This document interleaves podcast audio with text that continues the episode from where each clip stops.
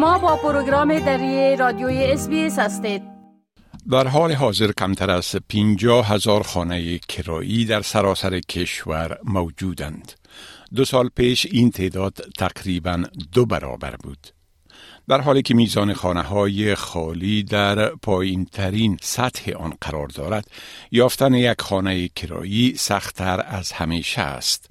اکنون معلومات ارائه می شود تا به شما کمک شود که روند پالیدن خانه را به خاطر بهتر شدن چانستان برای تأمین یک منزل کرایی بدانید. گریگ بادر مدیر عامل بزرگترین پورتال کرایه منازل استرالیا rent.com.au است و چالش های پیدا کردن خانه کرایی را درک می کند. او توصیه می کند که جستجوی خانه کرایی در این بازار دشوار را باید به اندازه مصاحبه برای کار جدی گرفت. Some agents and, and, landlords prefer not to have young people, um, some preference families. But with people coming in from overseas, there's a couple of extra barriers there. There's a whole bunch of information that a real estate agent generally requires, whether it's proof of income, employment, etc. But one of the most important ones is rental history. So if you've newly arrived in the country, you definitely won't have that from a local sense. So that adds, I guess, an extra layer of complication. املاک کرایی معمولا بدون اساسیه و مستلزم قرارداد کرایه یک ساله هستند که اکثرا قابل تمدید می باشد.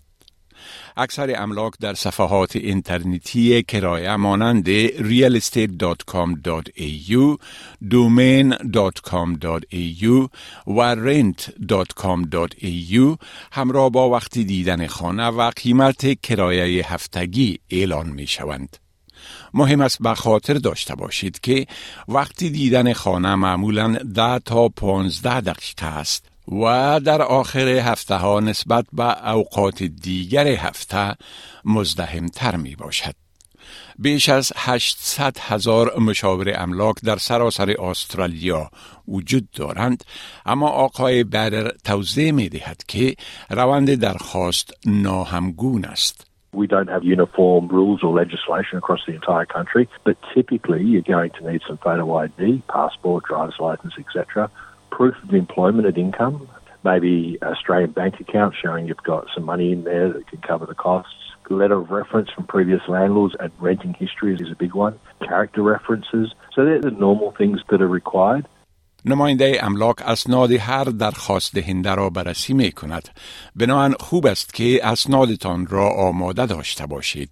اگر مدرک درباره سابقه کرایه نشینی ندارید، گزینه های دیگری وجود دارند که یک نماینده مد نظر خواهد گرفت. نیک یک تاجر و مالک تجارت کوچک در ملبورن است. او با یک معرفی نامه به نماینده محلی خود ایمیل فرستاد و وضعیت خود را توضیح کرد. After being an owner for over 20 years and then entering the rental market, it was very difficult because I didn't have any references that real estate agents needed. I proved to them I was viable by just giving them financial and making them understand that I needed to rent after a long period of time and convincing them that I was a worthwhile risk. نیک تجارت خود را اداره می کند بنابراین او توانست بیانیه برگشت مالیات را طور مدرک درآمد ارائه کند آقای بعدر می گوید تماس مستقیم با نمایندگان از این طریق می تواند کلید تامین یک ملکیت باشد. I'd encourage people, if they've narrowed down an area that they want to live in, contacting the local real estate agents, going and visiting a, an agency midweek during an inspection, there is really no time to introduce yourself and build a relationship. So going there midweek, speaking to the person, and taking that opportunity to explain what you're looking for, a little bit about yourself, you're excited, all those sort of things can really help. اگر به صورت آنلاین درخواست می دهید، وبسایت ها و نمایندگان کرایه ابزارهای درخواست آنلاین را فراهم خواهند کرد که معلومات شما را برای درخواست های آینده حفظ می کنند. از آنجایی که ابزارهای فراوان درخواست با هم دیگر در حال رقابت هستند شاید لازم باشد که مدت را صرف درج جزئیاتتان در چندین وبسایت کنید گرگ بادر توصیه می کند که راز افزایش چانس شما برای موفقیت در این است که قبل از درخواست دادن با نماینده املاک صحبت کنید. Given that renting is such a competitive environment now, the number one thing you need to do is when you go to the property inspection, you ask the real estate agent what is their preferred way of you applying because the typical agent will get applications from multiple different sources, ranging from someone that's emailed, someone that's phoned, someone that's applied online. So just check with the real estate agent, and that way you can be assured that you're at least in the list to be considered. نک صاحب تجارت کوچک منزل کرایی بعدی خود را بدون اینترنت پیدا کرد. نک پس از تغییر یافتن وضعیت او مستقیما با نماینده خود در مورد نیازش به نقل مکان به یک منزل بزرگتر صحبت کرد.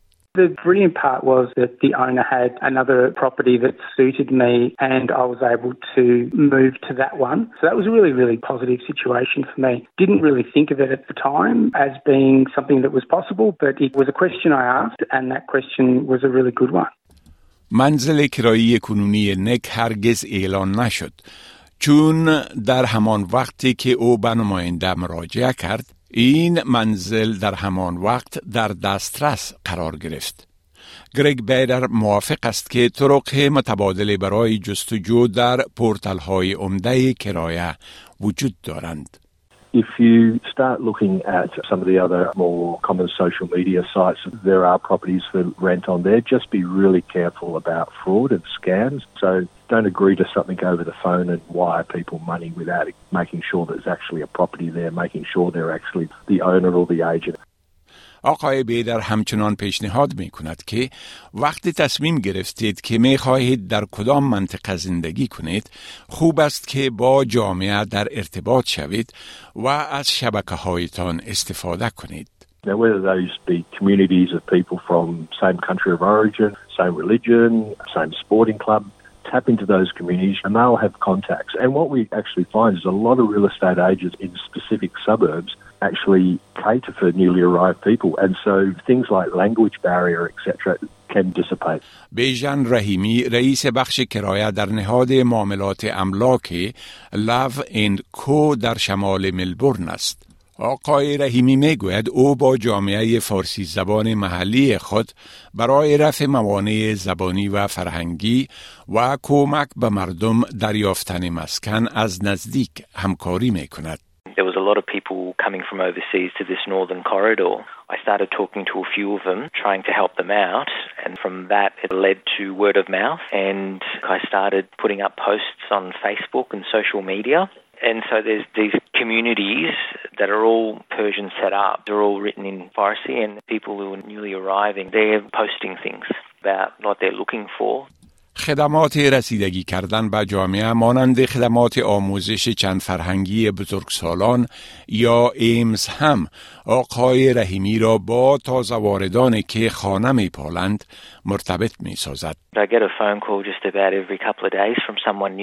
It helps when you know their background and can speak the language because putting them into a property and then explaining how things are done here and what their obligations are and making sure they also are looked after. It just makes the whole tenancy so smooth. In fact, I'm always looking for people like that because I know as soon as I put them in a property, I'm not going to have a problem.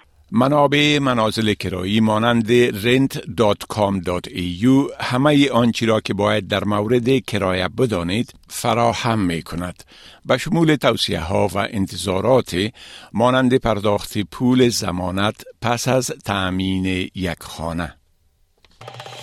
بپسندید شریک سازید و نظر دهید.